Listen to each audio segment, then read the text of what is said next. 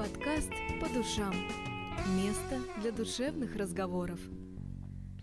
Всем привет! С вами подкаст «По душам». С вами, как всегда, ведущие Арина Арепьева и Нина Брянцева. И сегодня у нас в гостях психолог Наталья Ланская, с которой мы обсудим тему синдрома самозванца. А, ну, давай начнем с того, что это такое вообще, потому что, мне кажется, каждый сейчас представил что-то свое, что это Звучит очень, очень страшно, да, как бы? Ну, во-первых, хочу поздороваться с нашими слушателями. И да, синдром самозванца — это сейчас такое, а, такая фраза, наверное, которая часто на слуху, и я встречаю ее тоже в разных журналах, в средствах массовой информации, но а, часто люди вкладывают в это понятие что-то искаженное. Mm-hmm. Да? Что вообще такое синдром самозванца?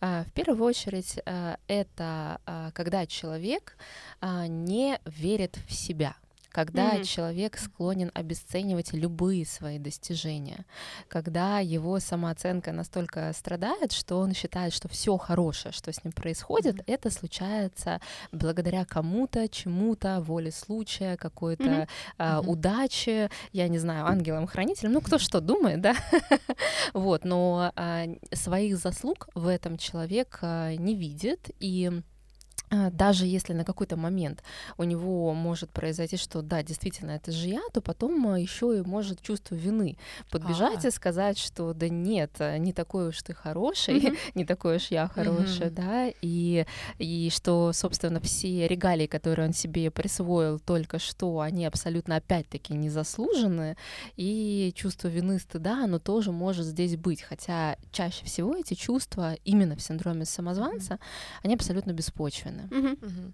Слушай, ну как правило, это говорят вот о том, что есть синдром самозванца, если мы говорим о карьере, что, допустим, человек угу. недостаточно адекватно оценивает свои возможности, например, там не претендует на какую-то высшую должность?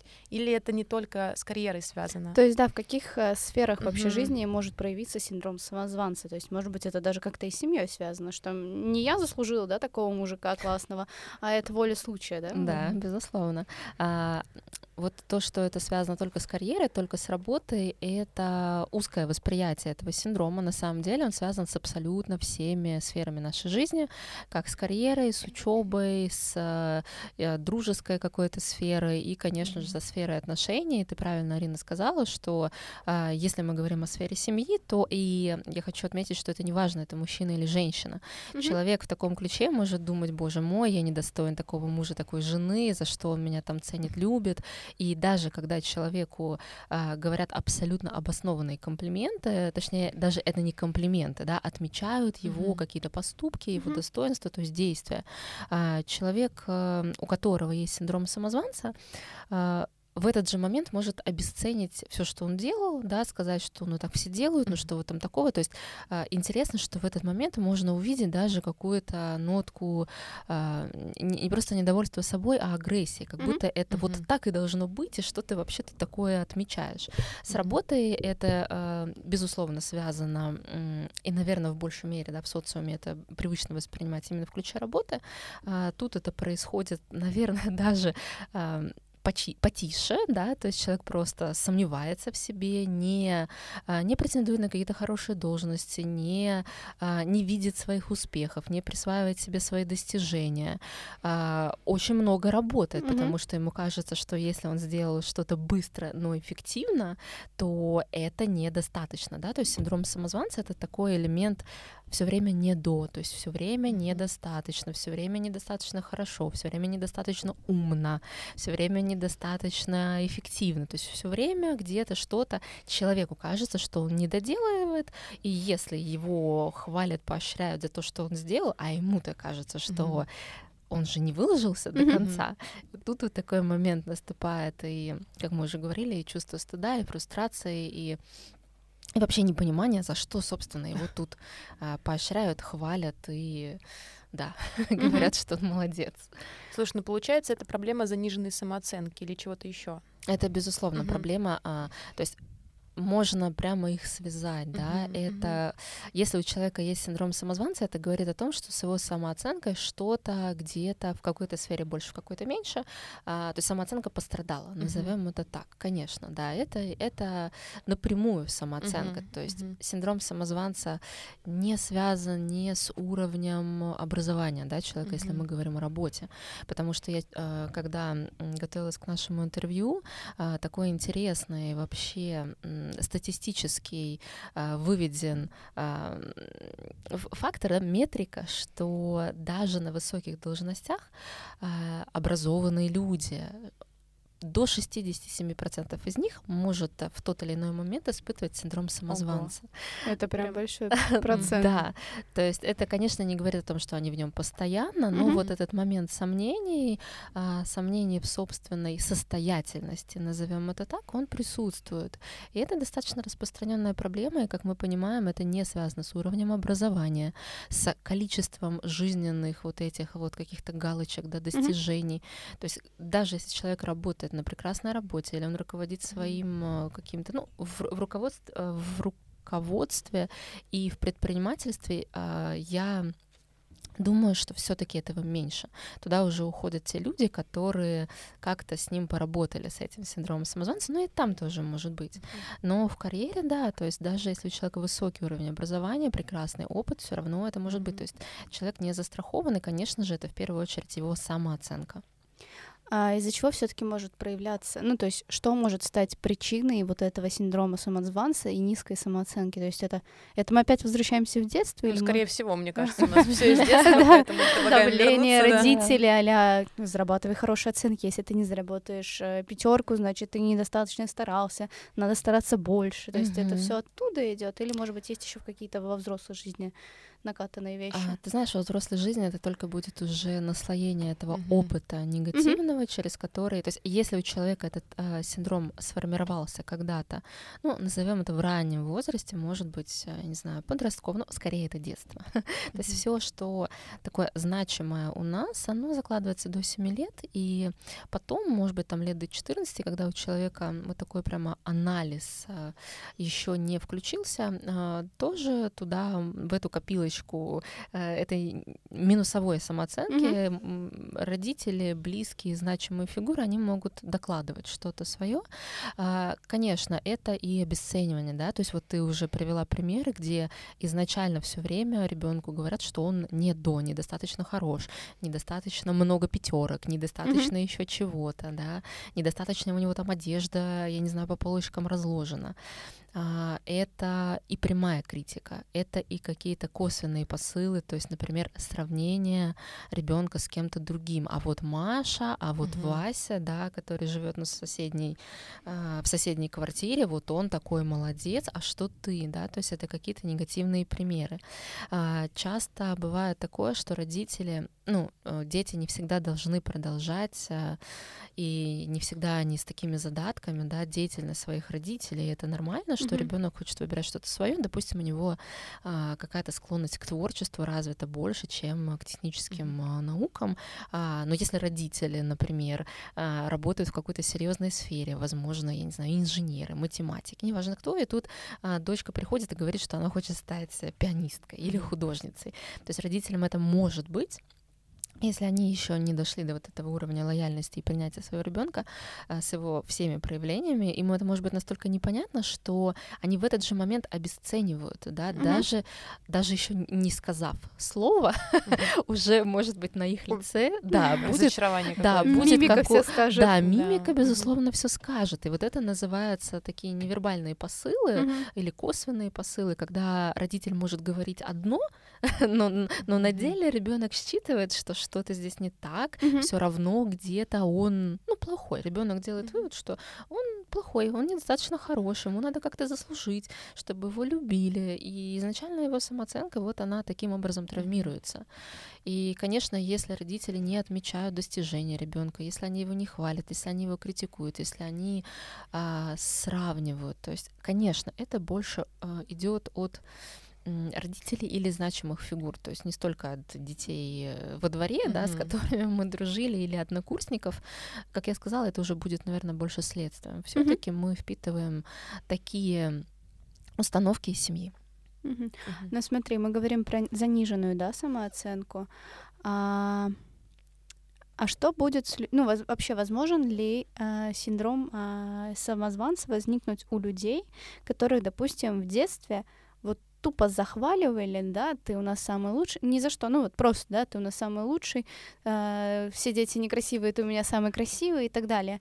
И у ребенка, допустим, сформировалась э, неадекватная mm-hmm. самооценка, а завышенная. Mm-hmm. То есть у таких э, детей во взрослой жизни, я так понимаю, не может образоваться вот этого синдрома самозванца? Скорее его не образовывается, да. То есть человек, безусловно, может столкнуться с какими-то другими возможно, уже во взрослом возрасте с сомнениями относительно mm-hmm. его состоятельности, неважно mm-hmm. в чем, но у него а, в этом плане с синдромом самозванца будет все хорошо. Mm-hmm. И а, такое интересное ну, это даже уже, наверное, аксиома, которую я э, и наблюдаю вокруг, да, и очень много об этом читала, что синдром самозванца, э, он вообще возникает у людей, во-первых, у кого самооценка не очень хорошо, но эти люди часто гораздо больше делают, гораздо больше mm-hmm. знают, да, то есть человек, который изначально сомневается, а достаточно, достаточно ли он знает, достаточно ли он хорошо что-то делает, то есть у него уже есть какая-то своя планка вот этой вот mm-hmm. хорошего какого-то, не знаю, действия, результата, да, своя планка образования, то есть у него уже есть то, к чему он стремится, и не все то, что он сделал, это хорошо, он понимает, что чтобы это было хорошо, надо сделать вот так-то. И часто он э, делает все гораздо лучше, чем человек, у кого это самооценка, ну, прям вообще такая гипер, э, да, раздутая. Uh-huh. Потому что для этого человека, у кого самооценка раздута, для него лично это прекрасно. Uh-huh. Но это uh-huh. не говорит о том, что то, что делает он, а, оно действительно настолько ну, масштабно, что ли, я uh-huh. не знаю, настолько вот. То есть для него как? У него вот этот вот э, оценочный момент, он гораздо меньше.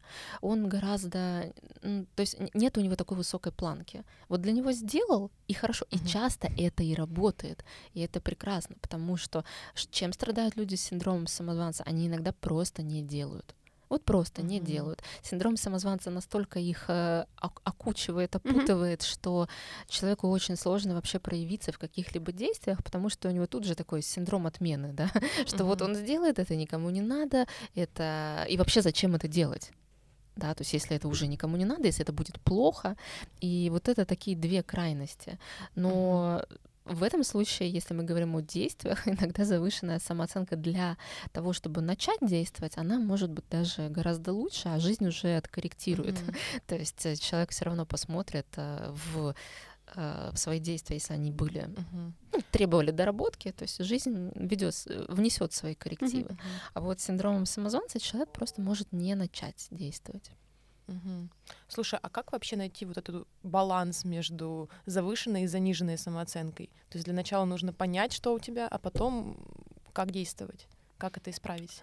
Ну, смотри, к психологу, например, mm-hmm. все-таки психолог с завышенной самооценкой не приходит.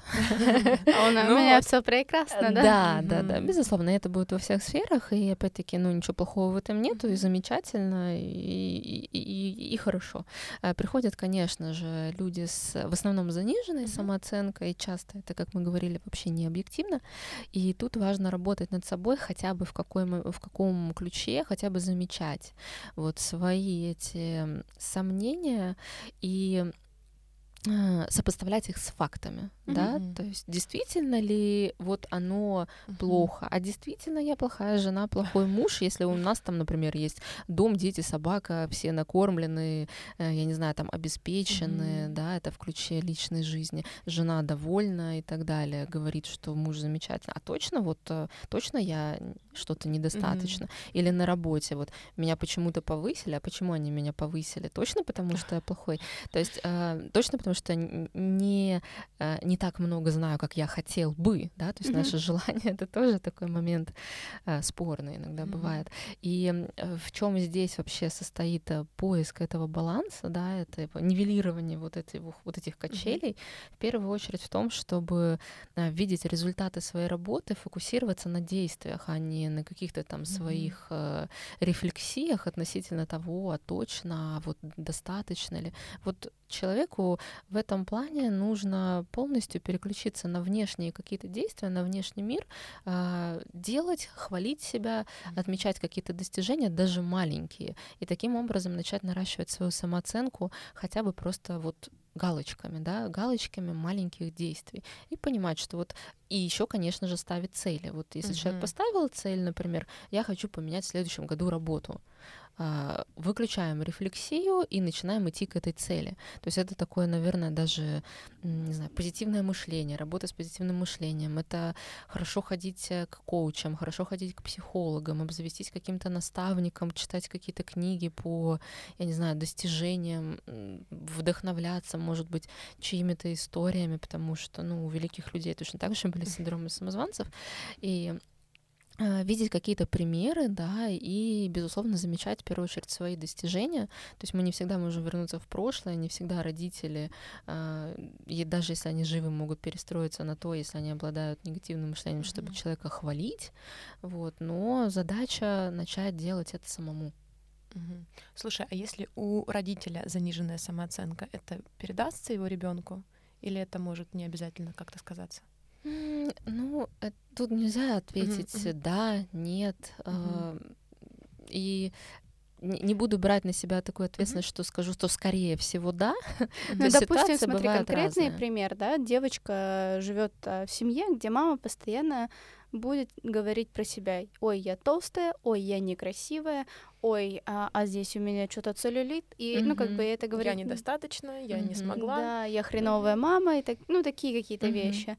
Но мне кажется, просто ребенок, он все-таки начнет отражать поведение мамы, нет?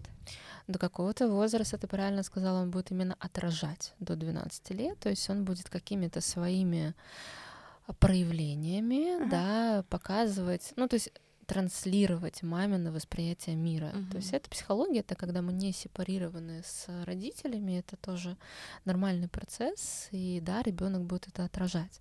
Что будет в дальнейшем, а, мы не знаем. Угу. Ребенок может э, а, э, это уже такой момент, я бы даже сказала, есть в психологии такой термин созависимость, да, uh-huh. перейдет ребенок эту созависимость с родителем, то есть будет ли он разделять полностью мировосприятие мамы. Или наоборот, у него включится такой легкий тиранический момент, uh-huh. и вот эта вот либо самооценка будет гипер, либо она придет в норму в сравнении с мамой, а, и ребенок будет говорить, да нет, это все не так, зачем ты на себя наговариваешь, потому что такие случаи тоже есть, и дети часто обладают достаточно сильным стержнем, но какое-то время, скорее всего, да, это будет. Хватит ли у ребенка а, сил какого-то окружения часто uh-huh. влияет, да, какие-то значимые наставники, какие-то, не знаю, если ребенок, например, идет в спорт.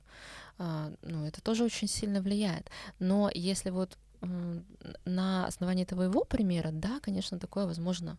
И в обычной жизни такое часто встречается, и это, это может быть такая выученная беспомощность потом. Но это даже не обязательно самозванец, uh-huh. потому что это, в принципе, модель поведения мамы. А, а если мама будет говорить, что ты толстая, ты не похудела, uh-huh. ты этого не сделала, ты недостаточно что-то, вот тут, скорее всего, конечно, uh-huh. да. Угу. Вот это, кстати, интересный факт, что как бы да, здесь надо понять э, разделение. Одно дело скажут ребенку, да, что ты толстая, угу. другое дело мама говорит, что ты, что она толстая, да, да как бы. То есть это прям интересно разобрать, как вот а, в разных ситуациях проявля... будет проявляться. Это даже у разного человека будет проявляться по-разному. Кто-то полностью берет а, эту мамскую модель поведения, ну неважно папскую вообще, угу. любого родителя, любой значимой фигуры, даже дедушек, бабушек, когда угу. мы работаем с клиентами, и такое часто часто бывает, что там, например, внучка становится похожа на бабушку, делает так же, как она, говорит такие же вещи, то есть это вот настолько мы этим пропитываемся, а, а кто-то говорит, я вообще, вот у меня, например, мама была такая, папа вот такой, а я вот такая, да, uh-huh. и я хочу, вот, например, уже работал как-то человек с этим, а, то есть у него есть какой-то внутренний стержень, чтобы это преодолеть, не это, это называется сепарация с родителями, mm-hmm. то есть разделение. А, ощущает человек себя во взрослом возрасте самостоятельной единицей? Или он вот такой вот в склейке со своими родителями, mm-hmm. или он еще говорит, а я так же, как мама.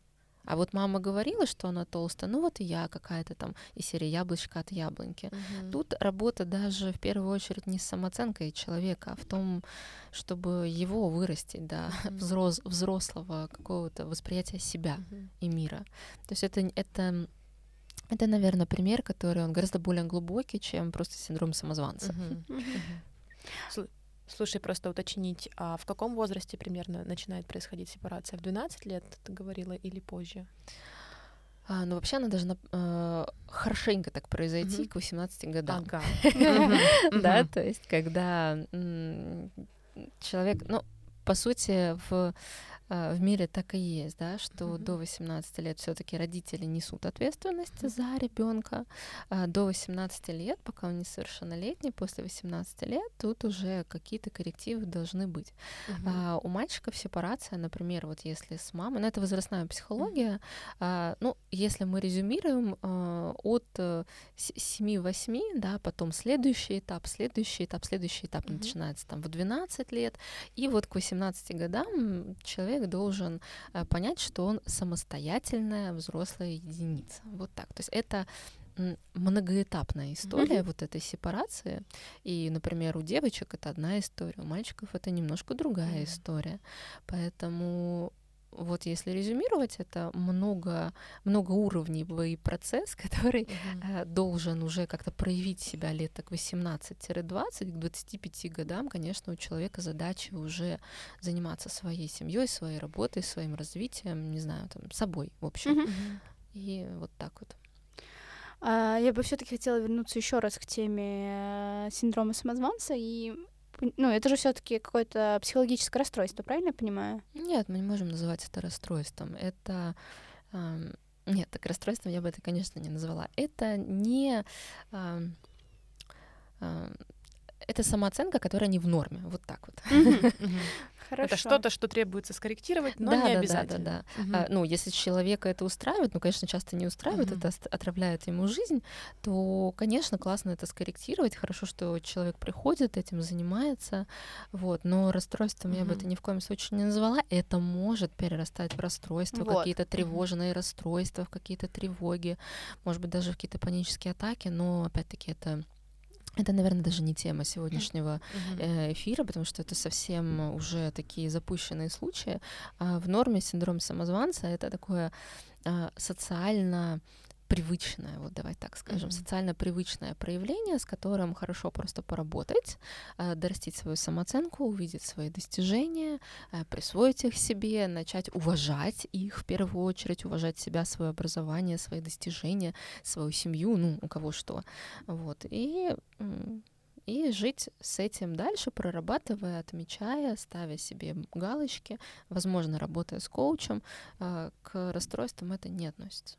Ты как раз-таки успела ответить на мой вопрос, когда я еще не успела задать, что ты как раз-таки сказала, к чему это может привести, но это прям конкретно запущенный случай, а так в целом, если он у вас есть, то ничего в целом страшного нет, но как бы стоит над этим поработать, чтобы ваша жизнь просто, качество вашей жизни, оно стало другим. Ну, именно качество, да, именно качество жизни, чтобы стало другим, потому что вот как мы говорили, у этих людей планка, вот она изначально такая выше, да, они, они изначально хотят больше, потому что своего им все мало, не не до, да, вот, и все равно они стремятся к достаточно неплохому качеству жизни, если только они совсем уже не впали в замирание, да, это такой способ э, реализации или нереализации себя в мире, но, безусловно, качество жизни может быть гораздо лучше, качество партнерских отношений, качество и вообще уровень э, социальный, уровень работы, конечно, mm-hmm. может быть гораздо выше, просто если мы этим моментом даже хотя бы, хотя бы его контролируем, угу. хотя бы его замечаем. Да, кстати, бы... это очень сложно заметить, да. потому что, мне кажется, те, кто живут с этим всю жизнь, ну или большую часть жизни, те считают, что это норма. Да, что да, в да. целом так и нужно относиться к своей жизни. А потом они осуждают себя. других, которые такие, а у меня все классно, mm-hmm. да? Конечно, вот если такие родители, например, они такие посылы и будут своему ребенку передавать, и тут он скажет, ну да, вот я там действительно надо же 10 дипломов, только тогда я смогу устроиться на работу. Такие случаи тоже есть. Вот, ну. И часто, например, даже клиенты приходят, которые не замечают своих достижений, они даже не видят, что они уже этим занимаются, что у них уже есть результаты, они еще говорят, что они когда-нибудь в будущем это сделают. Mm. Ну, то есть бывает по-разному, но э, ты правильно, Нина, сказала, что основное это хотя бы заметить у себя, и в психологии и есть такой, э, как бы это сказать, способ вообще работы, это то, наверное, вот по каким канонам все это строится, mm-hmm. когда человек признает что-то, замечает, актуализирует у себя, это уже пол работы. Mm-hmm. Потому что пока это в нашей сфере бессознательного, мы думаем, ну так и надо, так у всех так и должно быть. А когда вот мы это достаем, мы говорим, что а вот смотри-ка, это так вообще не должно быть, и может быть совсем по-другому, и есть ресурсы, чтобы делать совсем не так, и это не твоя модель поведения. И вот тут, когда человек это замечает, вот тут начинается вот это этот процесс его личной работы, uh-huh. да, вот его личные нейронные связи, они начинают шевелиться. И тут даже уже, ну, психолог уже много и так сделал, пока, когда он уже вытащил это на поверхность. Дальше вот уже человек сам может в принципе, он уже способен mm-hmm. для того, чтобы это начать замечать, преодолевать, mm-hmm. как-то что-то с этим делать. Слушай, а как вообще понять, э, что нужно в эту сторону задуматься? То есть, может быть, какие-то тесты существуют, я не знаю, или просто, может быть... Какие-то техники, да. может быть. Ну, тесты самооценки, безусловно, mm-hmm. да, то есть их любой человек может поделать в интернете, и они доступны, есть специальные книги с огромным количеством тестов, но сейчас книги не настолько востребованы, да, как какие-то э, онлайн-источники, да, безусловно, по делу увидите это, да, что вот, например, он там на отвечал, что да, у меня есть вот это, вот это, вот это, mm-hmm. увидел результат хотя бы этого теста mm-hmm. и, и задумался, а, а может быть, действительно это можно как-то улучшить. Mm-hmm. Когда ко мне приходит человек, конечно, мы проходим определенное тестирование, разные mm-hmm. тестирования, э, диагностика это называется, mm-hmm. чтобы вообще понимать, на каком уровне и самооценка человека, и как он вообще мир воспринимает. Mm-hmm. Если человек мир воспринимает, что я плохой и мир хороший, все остальное хорошее, ну, конечно же, это говорит о том, что с, на, в сферу самооценки хорошо посмотреть. Надо с этим поработать. А так вести дневник, например, наблюдений, цели и желания, цели и полагания. А, работа с, как мы говорили, достижениями, с тем, чтобы просто отключить рефлексию и делать. Угу. Вот делать. У тебя есть план, бери, делай. Не надо, а, не надо лишний раз об этом думать. То есть э, вот эту вот энергию, которую мы тратим на сомнения, на какие-то там мысли и саморазрушение, просто перевести в действие. Да, это бывает не так просто начать, но когда человек видит эти свои галочки, да, свои плюсики, что вот это сделал, это сделал, ну, что у него может родиться? Хотя бы чуть-чуть, но молодец. Да, поэтому наблюдение, а, понимание того, что самооценку можно улучшить, и работа над целеполаганием, достижениями и поменьше мыслей. Вот это вот, мне кажется, самое сложное, поменьше мыслей. Это прям такая а, с буквой X наверху, да, как бы зада- задачка... Задача со звездочкой, да. Да, вот, задача со звездочкой не самая простая. Но знаешь, вот тут я бы что сказала нашим слушателям, а, если если не устраивает кого-то то, что есть в жизни, и есть желание это поменять, то действовать все равно придется а, своими действиями, с путем разговоров с близкими, изменения своей модели поведения, да, то есть все равно надо включиться в действие. Если вас не устраивает, но вы оставляете все так, как оно есть, тут уже вопрос в том, а точно вам хочется что-то угу. менять, или а точно вы испыт... ли вас не устраивает? Да, точно угу. ли вас не устраивает, или человек испытывает какой-то, а, может быть, даже комфорт и удовольствие от вот этого само а, бичевания, самоедства. Да, такое тоже может быть. Но вопрос, какая ваша цель? Вы хотите что-то улучшить, вы хотите поменять работу, вы хотите гармонию в личной жизни и наслаждение, потому что синдром самозванца он не дает э, на полную катушку радоваться, наслаждаться. Mm-hmm. Вы хотите там, например, со своей э, со своим телом договориться, да, потому что синдром самозванца он и в теле бывает. Mm-hmm. Э, девушка худеет, худеет, странеет, ей кажется, что она еще не до конца. Ну вот э, тут такой момент э, отрезвляющий, а вы долго будете ставить все под сомнение, или вы уже поживете наконец? Или вот вы уже погрузитесь в процесс жизни и будете наслаждаться тем, что есть mm-hmm. сейчас, и как-то себя на вот это переключите. Или вы рискуете всю жизнь э, провести в сомнениях, не достигая даже самых маленьких целей и не радуясь их достижению. Вот mm-hmm. просто что человек выбирает в этот момент. Вот так. Это прям такая хорошая мотивационная точка в нашем подкасте mm-hmm. сегодняшнем. Да, я думаю, что много таких внутриков мы узнали, как, как вообще к себе относиться, как правильно себя оценивать адекватно, потому что, оказывается, можно и неадекватно, и это может как-то отразиться на нашей жизни, на нашем каком-то самочувствии, наверное, да. Все мы хотим жить в кайф, все мы хотим наслаждаться этой жизнью, просто не всегда понимаем, что, что можно с этим делать, поэтому... Поэтому да, сегодня мы получили такие клевые советы, которые очень житейские, очень простые в исполнении в плане того же самого тудулист, да, себе да, написать. Да, это, да, да. это сделать, ну, не так сложно. Безусловно. И... Да, установить какие-то цели, похвалить себя за то, что ты их сделал. Да, да, да, я слышала. Э, я, короче, когда в Америку ездила, э, продавать книги. У нас эта э, компания, да, студентов. И каждый себе писал какие-то цели. Мы после лета возвращались, опять писали себе цели. И типа в конце, если ты выполняешь эту цель, то ты себе даришь что-то, что mm-hmm. ты очень сильно хочешь. Mm-hmm, То есть да. такое как бы мотив... э, дополнительная мотивация и поощрение самого себя. Мне кажется, это тоже крутая тема, Конечно. потому что такой... Во всех больших компаниях работают психологи, которые занимают, психологи, коучи, которые mm-hmm. простраивают процесс, как там работник должен с собой взаимодействовать, с окружающими. И тут ты сказала два классных момента.